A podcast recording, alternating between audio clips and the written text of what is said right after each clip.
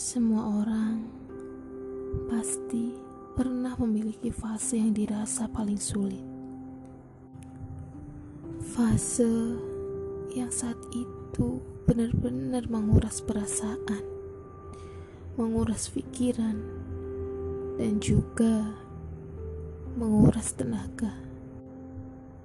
Fase inilah yang biasanya membuat kita menjadi terpuruk.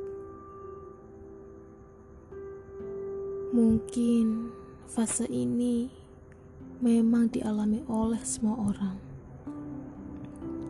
dan bahkan sampai ada beberapa yang akhirnya terjerumus pada depresi.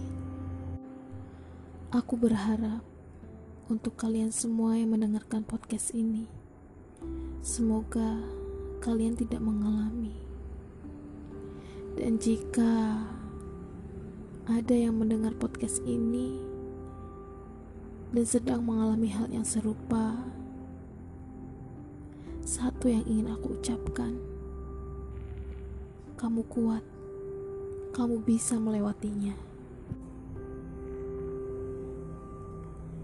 Intinya, kamu harus bisa berteman dengan hatimu sendiri, supaya hatimu mereda dan lebih terkendali. Seberat apa pun cobaan, jika hatimu siap menerima hantaman yang datang bertubi-tubi, maka kamu tidak akan pernah koyak dan tidak akan pernah ambruk diterjang badai.